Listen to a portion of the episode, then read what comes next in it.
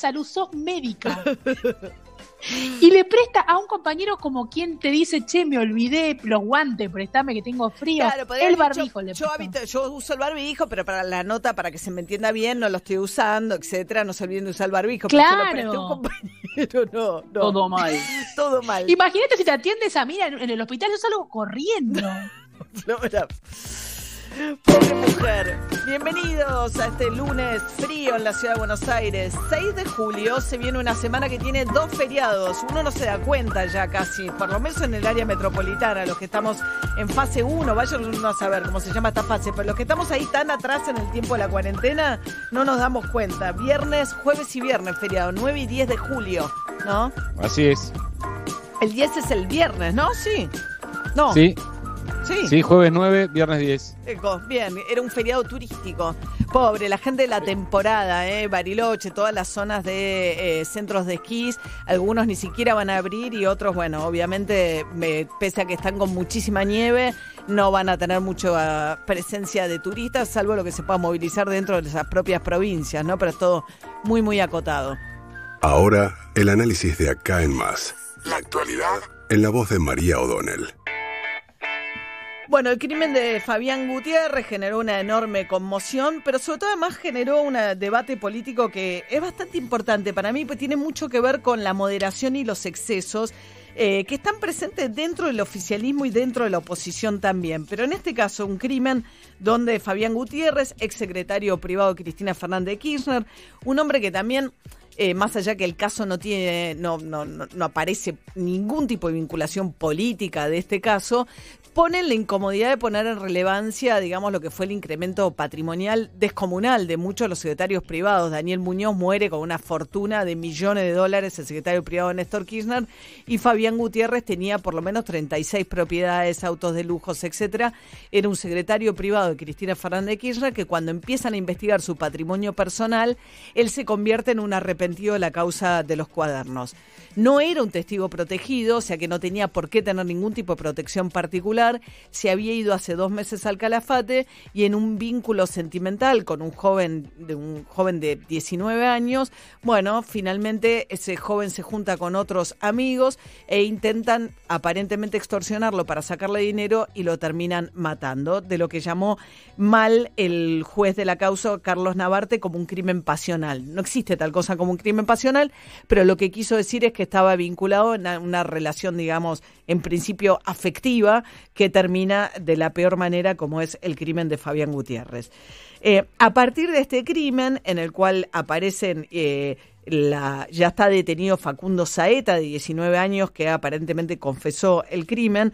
La oposición, con la firma de la conducción de los partidos la oposición, está en manos de los más este, extremistas dentro de las posiciones más radicalizadas en contra del gobierno, Patricia Burrich por el PRO y eh, Cornejo por la Unión Cívica Radical.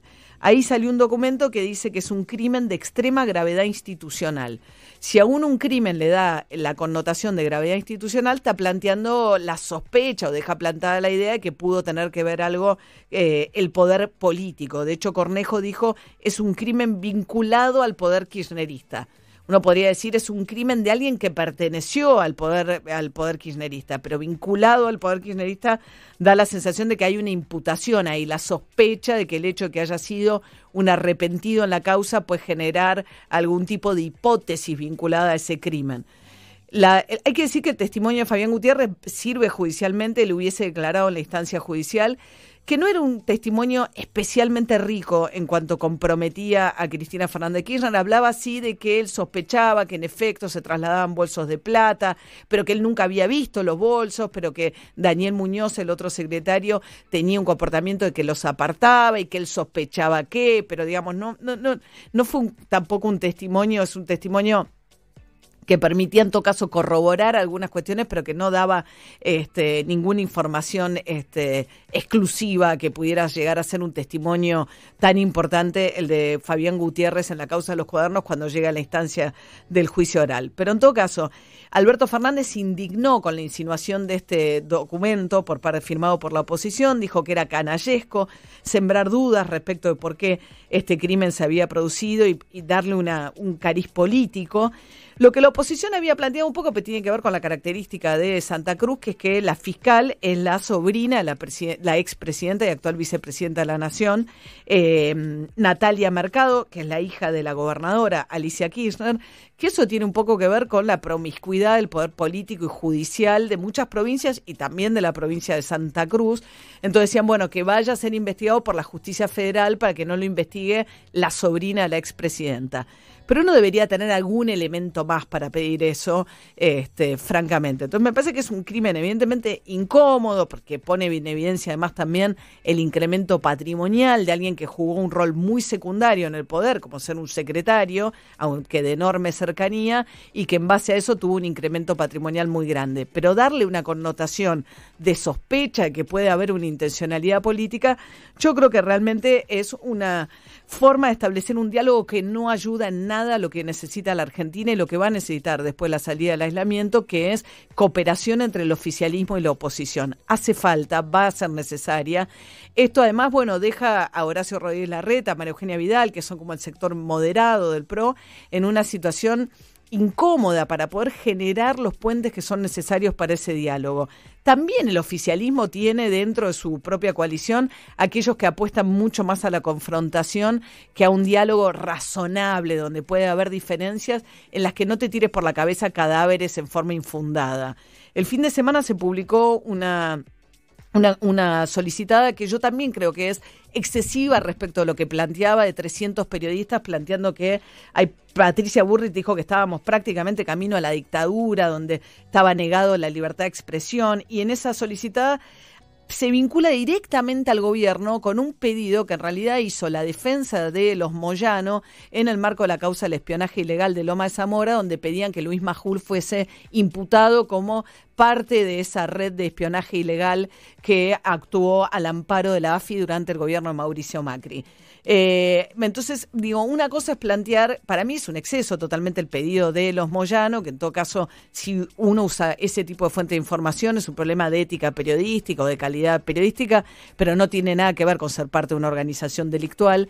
Esa causa parecía, digamos, tenía un avance con el juez Villena, es un juez muy cuestionado, y en ese contexto también había un interés muy grande de un sector del kirchnerismo más duro de polarizar y llevarla hasta las últimas consecuencias pero no legales, que hace falta llevarlas, porque una de las cosas que el comunicado de los periodistas no dice, lamentablemente, es que esa causa, en esa causa viene evidencia concluyente respecto de cómo se espió a Hugo Alconadamón durante el gobierno de Macri, porque Hugo, columnista de este programa, estaba investigando a Gustavo Arribas. Eso es gravísimo y eso es omitido en esto. Entonces, me parece que esta idea de elegir la parte de la realidad que me gusta para exagerar los argumentos al máximo y generar una situación de extrema eh, polarización en la Argentina no nos hace bien, no sirve eh, para nada, no contribuye a un debate informado, democrático, razonable, en el cual podamos sentar las bases y construir lo que para la Argentina es un desafío extraordinario. Vamos a salir de la pandemia